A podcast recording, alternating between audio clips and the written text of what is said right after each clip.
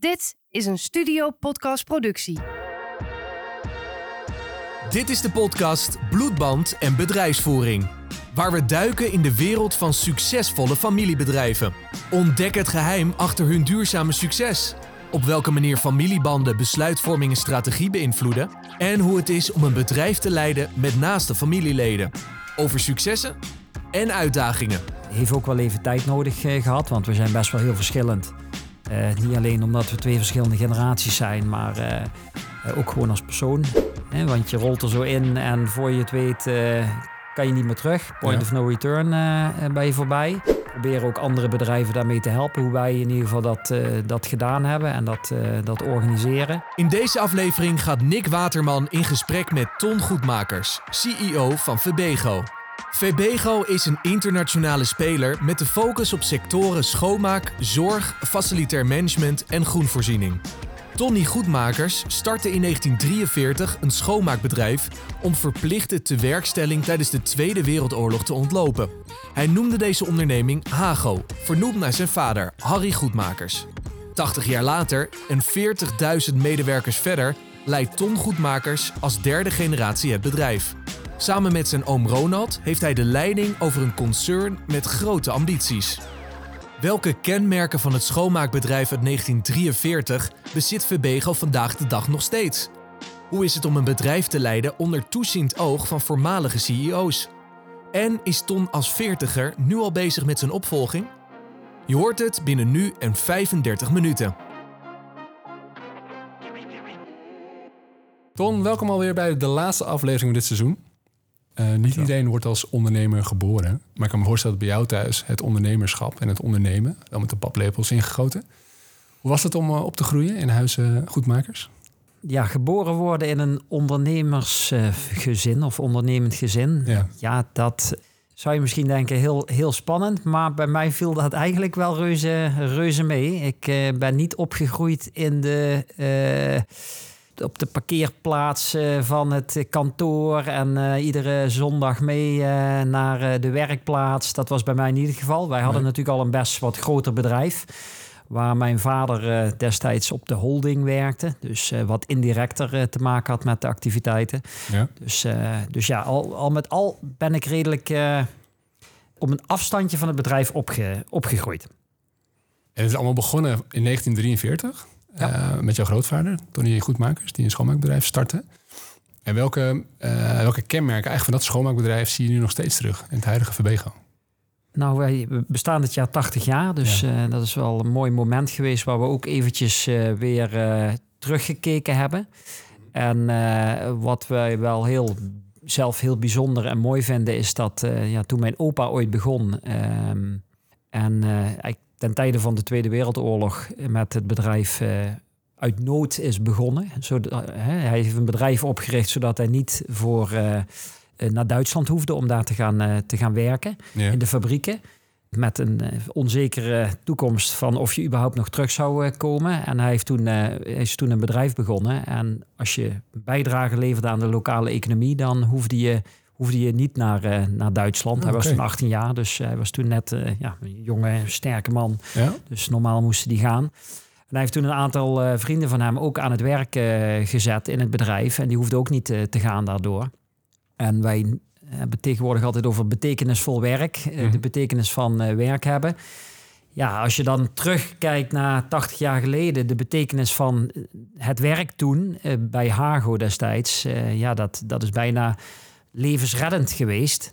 En ja, als je dat nu bekijkt, hè, nu hebben wij 40.000 man eh, in dienst. eh, heel veel mensen uit de basis van de samenleving. Heel veel mensen die ook uit eh, oorlogsgebieden ooit zijn gevlucht. Hè. Heel veel mensen met een vluchtelingenachtergrond of een andere, ja, een andere ja, een historie in een ander land. Dat, eh, ja, die verhalen zijn, die sluiten daar soms nog bijna op aan. En eh, het, het bieden van een baan hier in, eh, in Nederland of in Duitsland of Zwitserland of, of België... Mhm. is nu vaak ook echt een, een, ja, een hoeksteen om weer een betekenisvol leven op te bouwen. Dus daar zit eigenlijk heel veel verbinding met hoe het ooit begonnen is... en wat wij nog steeds in ons eh, DNA hebben, hebben zitten. En de rode lijn is dan wel dat betekenisvolle werk. Betekenisvol, de, betekenisvol werk om een betekenisvol leven op te kunnen bouwen. En eh, ja, wij zijn allemaal wat eh, hoger opgeleid. Dus voor ons is dat misschien wat, voelt dat wat verder af. Maar voor veel van mijn collega's is het, ja, is het hebben van werk. ja, biedt de mogelijkheid om iets, een woning te kunnen huren, niet op straat te staan. Of hier in, binnen Nederland überhaupt een, eh, een leven op te kunnen bouwen. Dus is echt heel relevant het hebben van een, eh, van een baan. Ja. Dat motiveert mij ook iedere dag om eh, die verantwoordelijkheid op mij eh, te nemen. En hoe mooi dat zoiets dan 80 jaar geleden ontstaat. Ja. En nu nog steeds echt heel erg duidelijk aanwezig is in de wijze hoe jullie eigenlijk de markt benaderen en het organiseren. Dat, dat klopt. En dat is eigenlijk vanzelfsprekend altijd de rode draad eh, geweest in het eh, bedrijf. En we hebben nu, eh, ja, doordat je daarover gaat hebben, ook door zo'n jubileum en eh, in de afgelopen jaren, eh, hebben we, zijn we tot de conclusie gekomen dat vanzelfsprekende spreekt niet vanzelf. Hè? Omdat je, ja, wij vinden gewoon dat je dat zo, zo doet en dat je voor je mensen zorgt en zorgt dat ze een baan hebben die ertoe doet, dat ze gerespecteerd worden. Maar we hebben ook nu wel gezien dat dat niet vanzelfsprekend is en dat je daar wat meer over moet praten en het naar buiten moet brengen. Dus ja, je, je ziet ons ook nu wel wat meer. Dus wij proberen ook wat meer naar buiten te treden, zodat we hopelijk ook nog veel meer mensen bij de Verbego-familie kunnen, kunnen voegen, dat we die ook een eh, betekenisvolle baan kunnen bieden. Dan is dit platform misschien ook wel een heel goed uh, medium. Nou ja, laten we dat hopen. Dus eh, honderdduizenden luisteraars en zo, dat zou, Daar- zou natuurlijk heel, mooi zijn. Tekenen we voor. Hey, in 1975 treedt jouw vader toe tot de raad van bestuur. gevolgd door jouw oom in 1988, als ik goed heb. Je bent goed met je haren. Eh, ja, ja. Meer dan ik. Nou, ze vormen dan samen de tweede generatie. Ja. Eh, jij start in 2018 eh, binnen de raad van bestuur. En in 2021 word je benoemd tot eh, CEO van Verbego. En waarom heb je voor gekozen om in het familiebedrijf te stappen? Ik ben eerder begonnen binnen het bedrijf. Ik denk in 2010 of zo. Nee, Ja. nee eerder nog. 2006, 2007. Dat was eerder een beetje toevallig. We hadden een bedrijf waar, eh, wat net overgenomen was. En daar eh, ging het mis met de, met de directeur. Eh, dat was niet de juiste. En toen zochten ze daar een oplossing voor. En toen dachten ze, nou, laten we Ton eens vragen Ja. kan die daar wat leren? En daar heb ik toen eigenlijk spontaan ja tegen gezegd. Het leek mij wel leuk. En ja, zo ben ik heel wat jaar in het bedrijf gebleven. Eerst in Nederland en daarna van 2010 tot 2018 in Zwitserland verantwoordelijk geweest voor onze activiteiten. En toen de vraag kwam of ik naar de raad van bestuur kwam, toen was wel voor mij ook de vraag van, joh, wil ik dit nou echt? Mhm. Want je rolt er zo in en voor je het weet eh, kan je niet meer terug. Point Ja. of no return eh, eh, ben je voorbij. Toen heb ik wel me afgevraagd van... joh, sluit het aan op waar ik gelukkig van word. Hè? Want het is natuurlijk ook een hele grote verantwoordelijkheid... zo'n groot bedrijf eh, eh, leiden met... eh, ja, met ook je neven, nichten, je zussen als, als aandeelhouder... maar vooral de verantwoordelijkheid voor 40.000 banen.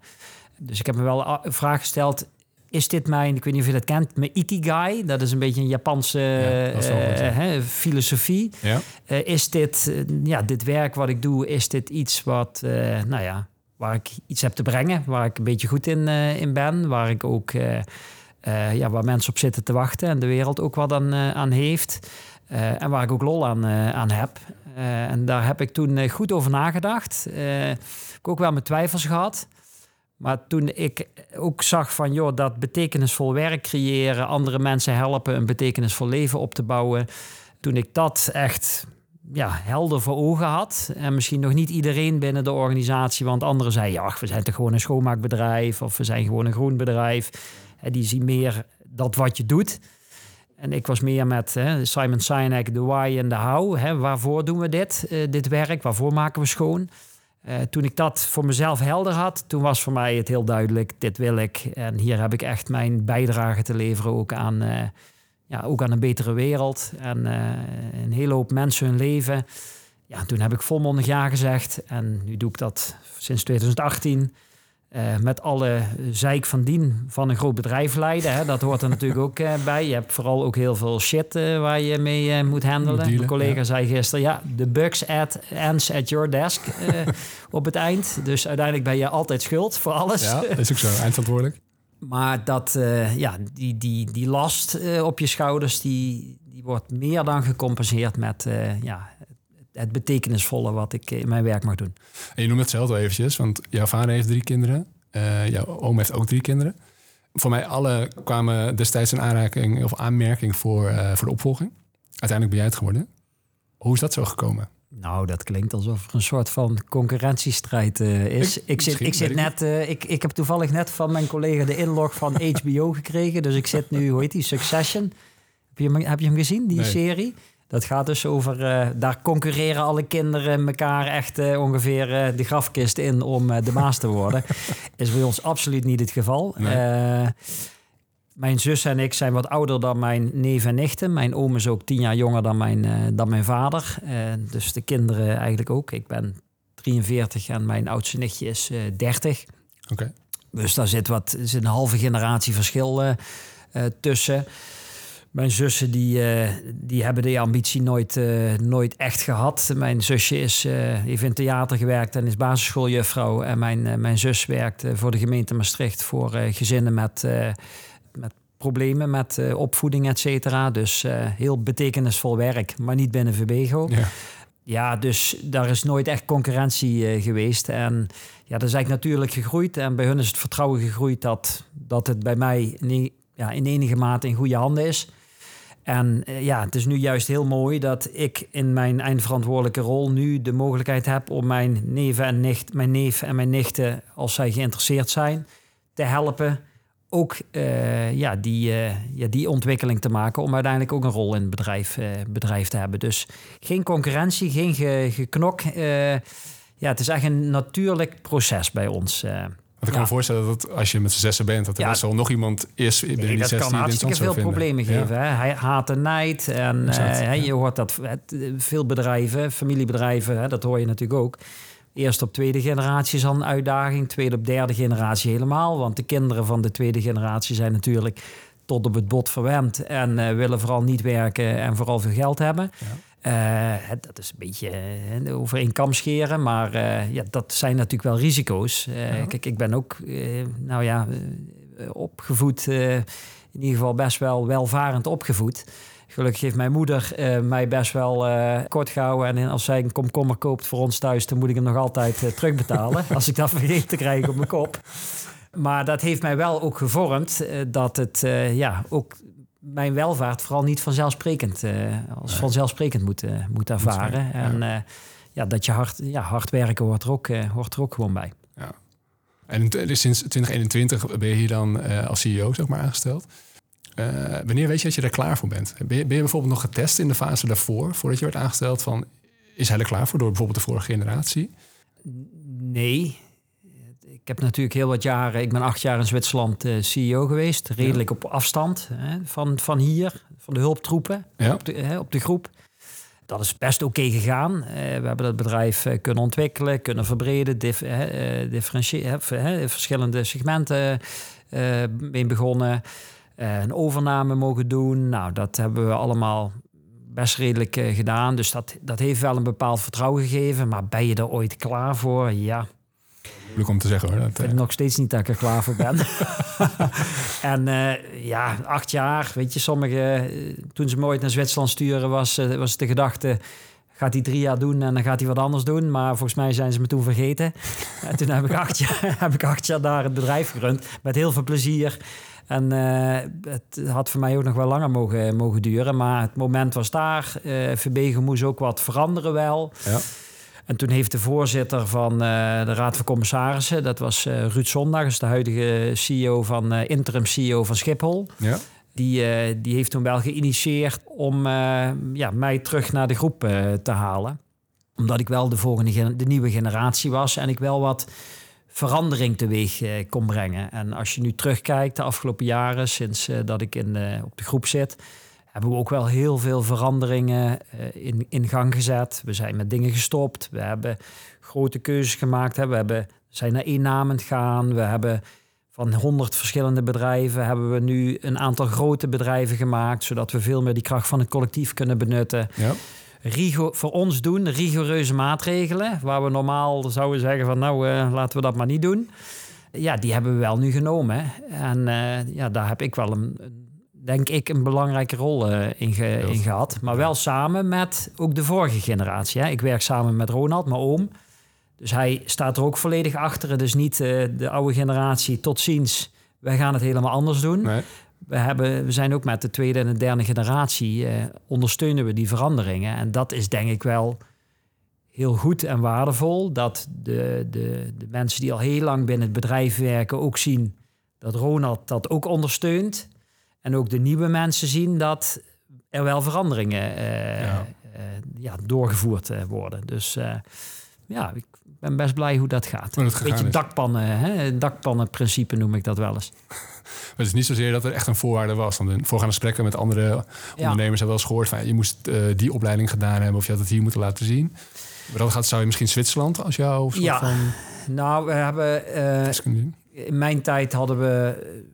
Kijk, je moet potentie hebben en dat kan je assessen. Dat doen we nu ook wel met de, de generatie die nu komen, of ook mijn neven en nichten, hebben dat wat professioneler opgepakt. In mijn tijd was dat nog niet zo professioneel. Dan was het meer van, oh ja, we denken wel dat dit kan. Laten we het maar eens, ja, laten we het maar eens proberen. Ja.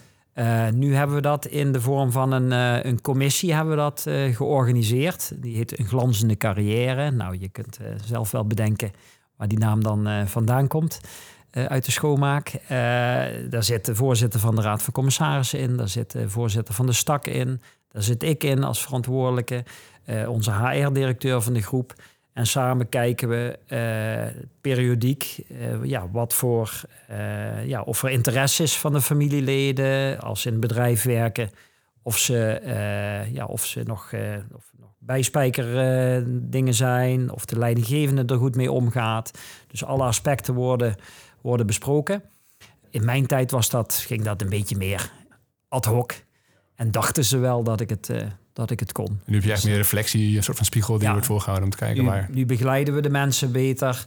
Assessen we ook aan de voorkant, zodat men ook weet van, joh, waar moet ik me in ontwikkelen? Want dat is wel, eh, wel belangrijk. Ik heb wel opleidingen gedaan, hè? dus van. De enige eis die wij in die zin hebben is, eh, je moet in principe vijf jaar voordat je bij VBGO begint, moet je buiten het bedrijf gewerkt hebben, zodat je ook leert zonder de naam goedmakers, dat, dat, je dan, dat, dat mensen dan iets minder snel de telefoon opnemen. Ja. Dat je daar ervaring in hebt. En je moet dus het potentieel hebben om bij ons te beginnen om een hogere directiefunctie ook eh, in te kunnen vullen. Oké, Dat is een, dat een soort van de eisen, voorwaarden. Ja, dat is wel een, eh, een eis die wij eh, hebben. Ja. Bij mij assessen we dat nog niet. Tegenwoordig assessen we dat wel. En nu je er een paar jaar zit, wa- wat vind je dan het meest uitdagende om te werken binnen een familiebedrijf? Als je Ehm, één ding zou moeten noemen. Ik vind een hele hoop dingen uitdagend. Wat vind ik het meest uitdagend? De juiste, ja, wij noemen dat hè, breed, brede welvaart, brede waardecreatie. Hè. Wij vinden het heel belangrijk eh, ook maatschappelijke waarden creëren. Om daar de balans te vinden tussen eh, die maatschappelijke rol, die sociale rol die wij als bedrijf hebben.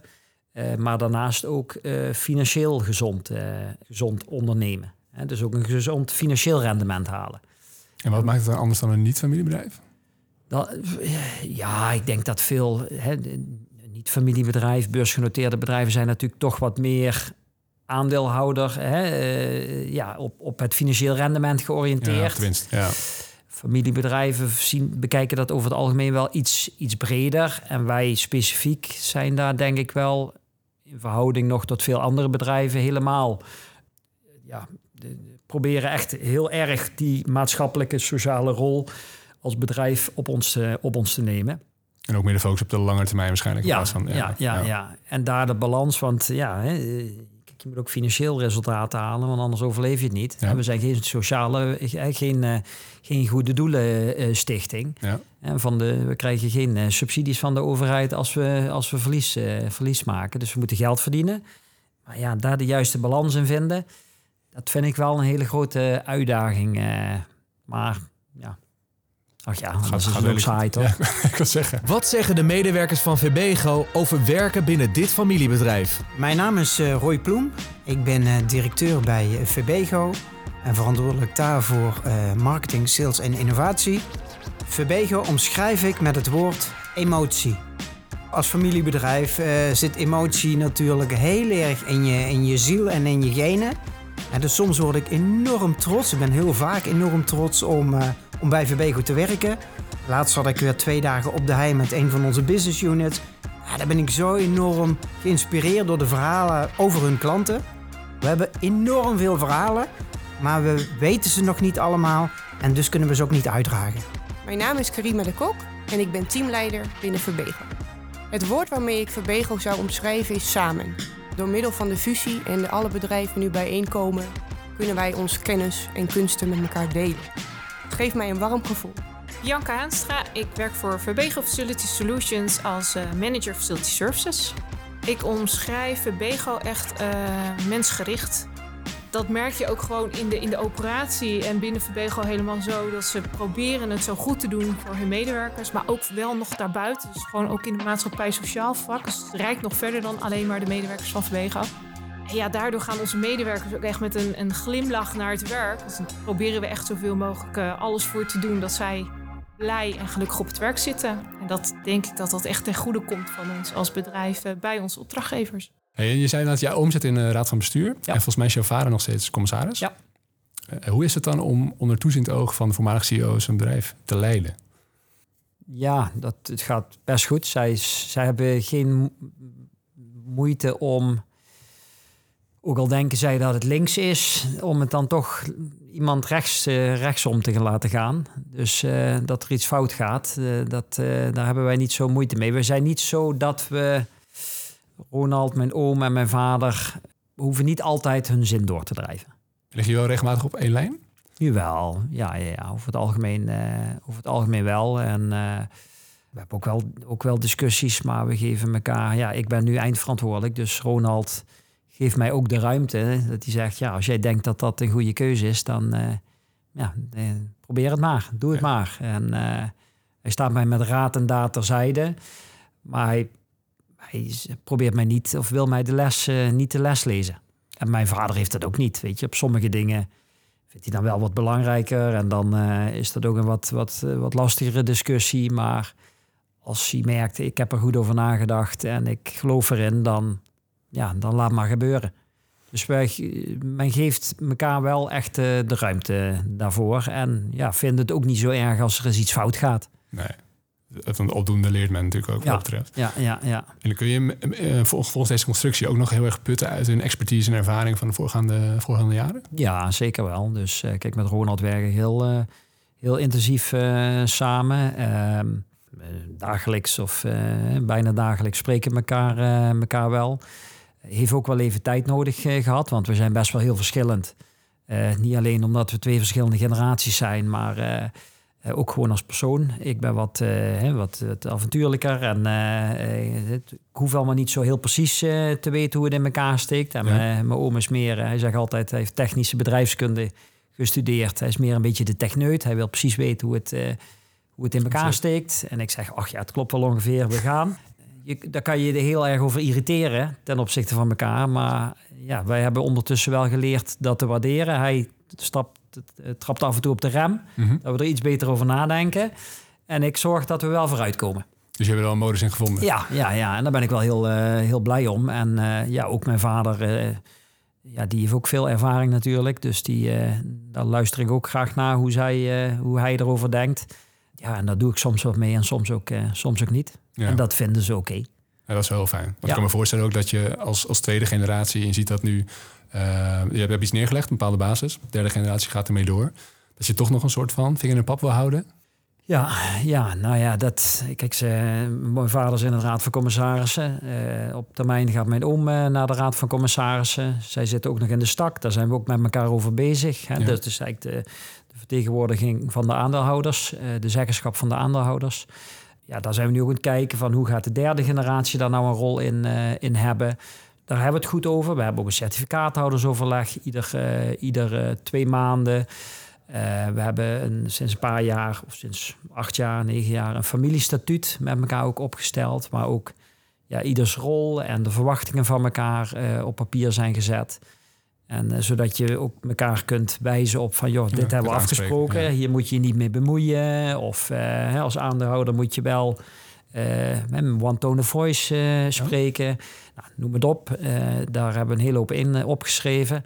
En dat helpt wel, dat je niet de hele tijd met elkaar loopt te rollenbollen. Ja, dat er wel iets op papier staat ja. waar je aan vast kan houden. Ja, en dat je gewoon ook... Kijk, want uiteindelijk zeggen we ook... het bedrijf is het belangrijkste. Die 40.000 banen van onze, onze collega's.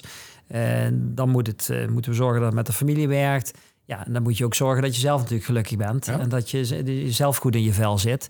Maar uiteindelijk gaat in eerste instantie wel het bedrijf voor. Want daar gaat het om heel veel eh, individuen en personen en gezinnen. Ja, Soms best lastig. dat kan ik me voorstellen. En volgens mij, jullie aanpak betaalt zich ook uit. Want in 2022 winnen jullie een familiebedrijf award. Ja. En de jury roemt jullie om de wijze waarop jullie eigenlijk de bedrijfsopvolging organiseren binnen het familiebedrijf. Ja. Als je daar iets over wil, kan zeggen, zeg maar, wat, is dan, wat maakt jullie dan anders in de wijze waarop jullie de opvolging organiseren? Ik denk allereerst, er zijn een hele hoop bedrijven die dat heel goed georganiseerd eh, eh, hebben. Ja. Wij zijn daar wel heel transparant in en open over. Eh, want ik denk ook, en dat zie je toch wel, hè, familiebedrijven kunnen heel veel van elkaar leren. En dus wij ja, proberen ook andere bedrijven daarmee te helpen. Hoe wij in ieder geval dat, eh, dat gedaan hebben en dat, eh, dat organiseren. Ja, wij nemen het wel heel serieus sinds, sinds heel wat jaren. En wij, nemen het, eh, wij zijn het serieus gaan nemen voordat het een thema werd. Oh ja. En dat Ja. is denk ik belangrijk, want veel gaan het pas regelen natuurlijk als, je, als er al gedoe is. Ja, dat. Of op een En- bepaalde leeftijd bent waarschijnlijk dat je, dat je ja, moet. Ja, hè, en, en wij hebben dat redelijk op tijd ter sprake gebracht. Hè. We hebben het op papier gezet. We zijn eh, dingen, hè, de vergaderingen gaan organiseren, zodat je in ieder geval op een regelmatig aan tafel zit dat je iets kunt eh, bespreekbaar maken. Eh, we hebben een trusted family advisor ook ja, in de hand genomen, Mhm. die met meerdere familiebedrijven die rol heeft en beschikbaar is voor, voor familie en partners als je eens ergens mee zit. Oh, dus een hele onafhankelijk iemand Ja. die eh, ja, helpt. eh, die, ik noem dat altijd een beetje de Haarlemmer olie.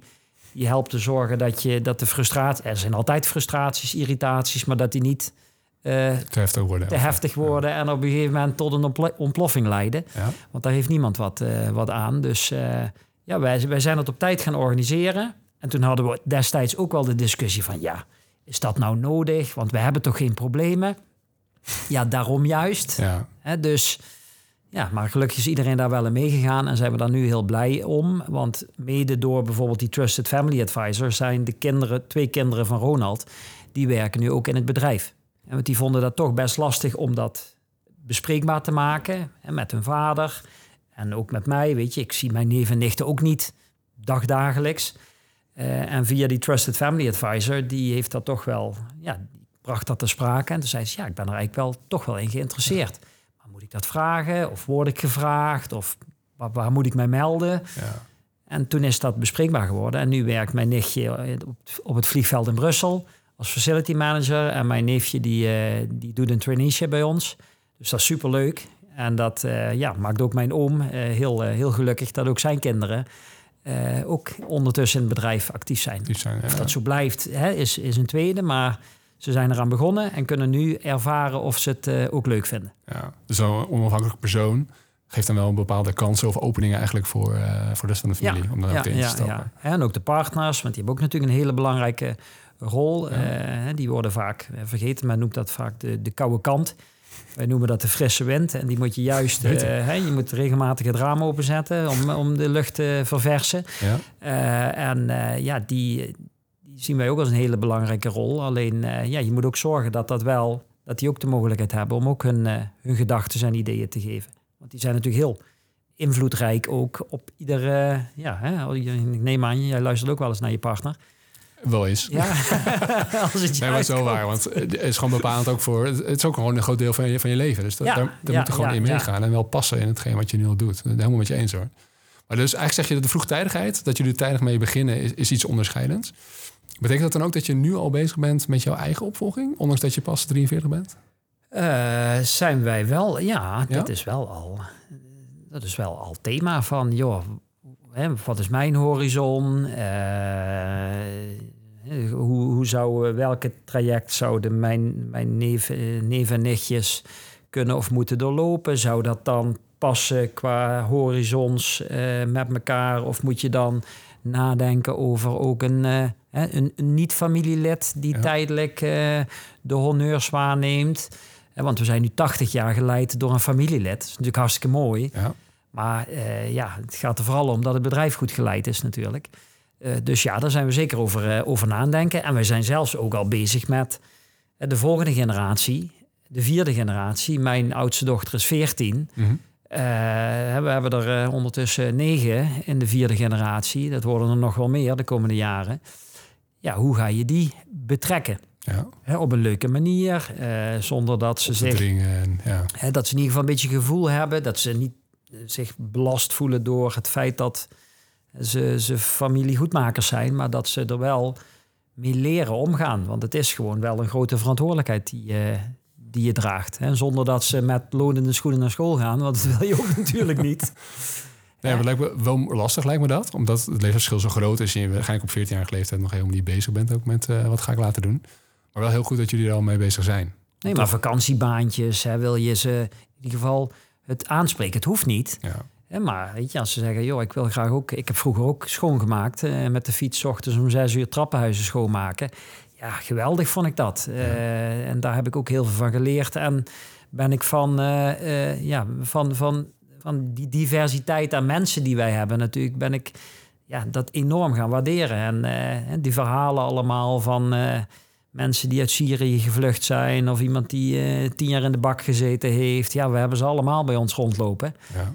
En eh, ja, eh, en dat moet je wel leuk vinden. Dus je kan beter maar op tijd achterkomen of je dat leuk vindt... of dat je alleen maar met hoogopgeleide mensen wilt, eh, wilt omgaan. Want eh, hè, al die andere mensen, dat vind ik, dat, dat vind ik niks. Nou ja, dan ja. moet je niet bij ons komen werken, laat ik Nee. het zo zeggen. Nee, plus ik denk dat het ook helpt dat je de situatie kent. Aangezien je zelf daar gewerkt hebt op de vloer... helpt het je later ook Ja. eventueel die positie te bekleden... Ja. op een andere wijze dan als je Ja. niets zou hebben gedaan. Absoluut. Dus ja, dus we zijn wel al best wel ver, eh, ver vooruit in kijken. Soms best lastig met alle dagelijkse romslomp die je ook hebt. Ja, dat kan ik me heel goed voorstellen. Ja. Dus je bent met allerlei horizons bezig die van dit jaar het budget halen. De strategie voor de komende jaren. De volgende generatie. Eh, ja, dat, eh, maar dat is ook het leuke. Ja, toch? Ja. Altijd een beetje gevarieerd. Hey, je bent nu een aantal jaren onderweg als CEO. Als je nou één hoogtepunt moest noemen uit deze periode... op zakelijk gebied, wat zou dat dan zijn? Nou, ik vond dat het winnen van de, het krijgen van de familiebedrijven award vond ik wel, ja, dat maakte me best wel trots en erkenning van dat we, wat je net zegt zelf, eh, best sommige dingen best goed geregeld hebben. Ja. Daar zijn we onszelf dan niet eens altijd even bewust van. Eh, ja, dat we van buiten de erkenning kregen dat, dat, we dat, ja, dat we dat goed geregeld hebben. En eh, dat heeft mij wel trots, eh, trots gemaakt. En ja, dat de overgang van de generaties, tweede naar de derde en nu de derde in het bedrijf werken. Het omgaan met alle veranderingen. Ja, nu noem ik een hele hoop dingen. Nog maar Eh, eentje. Ja, ik mag er maar eentje noemen. En er gebeuren gewoon heel veel mooie dingen... waar je echt gewoon heel trots op bent. Ja. En, fijn vindt dat het zo Iedere dag trots. Ja. Als ik ergens loop en collega's weer hoor met eh, ja, verhalen vertellen. Of net hier een collega die ik helemaal niet kende, maar die op de HR-afdeling bij ons schoonmaakbedrijf werkt. En die enthousiast vertelt over eh, ja, alle uitdagingen. Dat maakt mij dan ook weer heel super trots. Gaaf. Ja. Ja, Om daarop verder te gaan. Sorry. Nee, waarom sorry? Alsof zoveel ik- om te kiezen. ik kan niet kiezen. Het is altijd lastig. Maar om daarop verder te gaan, want jullie ambitie voor 2025 is om ook eh, bij te dragen aan het welzijn van 10 miljoen mensen. En waarom willen jullie dat? Ik denk wij als bedrijf hebben een hele belangrijke rol in de maatschappij. Mhm. En de, de, de, samenleving ja, wordt steeds individueler en men kijkt steeds minder naar elkaar om. Ieder voor zich. Ehm, en ja, ik denk dat je, als we een beetje, een beetje meer voor elkaar zorgen en op elkaar letten en elkaar eh, ja, een beetje een steuntje in de rug bieden, dat dat eh, heel veel positief effect kan, eh, kan hebben. En ja, die 10 miljoen mensen staan eigenlijk voor ja, de, het effect wat wij als bedrijf hebben. 40.000 medewerkers, dat zijn er natuurlijk al een hele hoop. Maar wij staan natuurlijk in verbinding met hè, heel, veel, eh, heel veel medewerkers bij onze klanten. Eh, wij doen de, alle NS-treinen, dus wij lopen iedere dag door de Intercity van eh, tussen Eindhoven en Amsterdam. En als mijn collega de coupé binnenkomt en zegt: Goedemorgen allemaal. En dan al die me- mensen in de coupé die, die chagrijnig eh, zijn omdat ze naar hun werk moeten, Ja. die kijken dan misschien even met een glimlach op. Ja. En dan denk ik van ja, dat is weer een, even een positief momentje in, eh, in een hele hoop mensen hun leven. En dan denk ik, dat is toch mooi dat wij daar, eh, daar iets aan kunnen, kunnen kunnen, dragen. bijdragen. En dat zien ook. Hè, het, ook het, ik noem dat het butterfly effect van die positiviteit als je die coupé binnenloopt. Of ja, iemand die met een goed gevoel weer naar huis gaat en dus, dus met energie aan de eettafel zit. Het, het, het, het butterfly effect daarvan is zoveel groter dan wij ons soms eh, eh, bewust zijn. En dat, wil ik daarmee zeggen, dat willen wij daarmee zeggen eigenlijk dat, dat, dat je daar wat bewuster mee bezig moet zijn. Dus die 10 miljoen kan er wel meer zijn. ik denk dat er wel veel eh, meer dan kan, zijn. Ja. Je noemde het zelf al, hè? je zijn zo'n 40.000 man groot nu op dit moment. Borg je dan eigenlijk het familiebedrijf en de familiewaarde in zo'n grote organisatie? Want je bent verspreid over verschillende landen, verschillende type bedrijven. Hoe borg je dan toch die, die waarden die ooit ontstaan zijn in, in 43? ja, dat is uiteindelijk cultuur natuurlijk. Hè. Je cultuur, eh, hoe, hoe, eh, hoe leef je je cultuur en hoe draag je cultuur uit? Hè? Dat begint bij mij Mhm. eh, en dat cascadeert de organisatie in. Het gaat over het verhaal vertellen, wat, waar we het over hadden natuurlijk. Het verhaal waar opa ooit begon. en aan de keukentafel en dat hij eh, voor zijn mensen klaar stond. En ook met klanten en medewerkers echt eh, samen aan tafel zat. Eh, dat, dat verhaal vertellen, dat, dat, dat dat gaat leven in die organisatie. En eh, ja, dat, ik denk dat dat het allerbelangrijkste is. En dat je dat dan met tools, met beloningstools en zo ook ondersteunt. En, en helpt eh, te zorgen dat het ook eh, structureel georganiseerd is. Dat, eh, dat helpt. Maar uiteindelijk is dat eh, de cultuur leven en uitdragen. Elke aflevering eindig ik met een vraag van onze vorige gast. Eh, in de laatste aflevering hadden wij Benno Lezer, president-directeur van Gassan Diamonds, eh, Eh, op bekend, bezoek. ja. Ehm, en eh, Benno heeft voor jou niet één, maar twee vragen. Wie? Hoe vond hij de omgang met zijn commissarissen? Hoe vond ik de omgang met mijn commissarissen? Ja. Destijds of nu nog steeds? Eh, Dat is aan jou. Ja. Ik- er, was, Nou, er, is dit een verhaal, eh, denk ik. Nou, ik heb een goede eh, omgang met mijn commissarissen. Ik vind het ook belangrijk. En die zijn natuurlijk een, een, een toezichthoudende rol, waar je aan verantwoording hebt af te, af te leggen. Dat, dat is heel waardevol. Maar voor mij is het ook een, een spar, sparringspartnerrol. eh, om na te denken over de toekomst. Over eh, even te sparren over een uitdaging die je hebt met je leadership of zo. Ja, dat komt van twee kanten. Eh, vanuit mij om te zorgen voor een goede relatie. En ook vanuit de Raad van Commissarissen. Nou ja, tot nog toe weten we dat vrij goed eh, te doen. We krijgen vanaf eh 1 januari een nieuwe, eh, nieuwe voorzitter. Ja, daar ben ik ook al mee bezig om te zorgen dat wij een goede relatie met elkaar eh, krijgen. Zodat je soms die formele rol van toezichthoudend, eh, maar ook eh sparringpartner, eh, dat je die rol eh, samen opneemt. Mijn, mijn relatie is heel, eh, Heel is goed heel wat goed. dat betreft. Ja. De tweede vraag? Wanneer gaat hij weer mee naar Feyenoord? Ah, ik ben, eh, zijn zoon belde me gisteren of ik vanavond mee naar Feyenoord Lazio Oh, ging. maar helaas kon ik niet. Eh, de eerstvolgende, dus ik zie de data graag, eh, graag tegemoet. Maar helaas kon ik vanavond niet, eh, niet mee. Maar eh, ik wacht graag op de uitnodiging. Ik zal hem straks een appje sturen. Helemaal goed. Eh Ton, dankjewel voor het gesprek. Bedankt voor het luisteren. Dit was de laatste aflevering van het eerste seizoen Bloedband en Bedrijfsvoering. Vind jij dat familiebedrijven ook zo cruciaal zijn voor Nederland? En dat hier te weinig aandacht voor is? Meld je als eigenaar of CEO van een familiebedrijf dan nu aan voor het tweede seizoen van Bloedband en Bedrijfsvoering. Check de link in de beschrijving.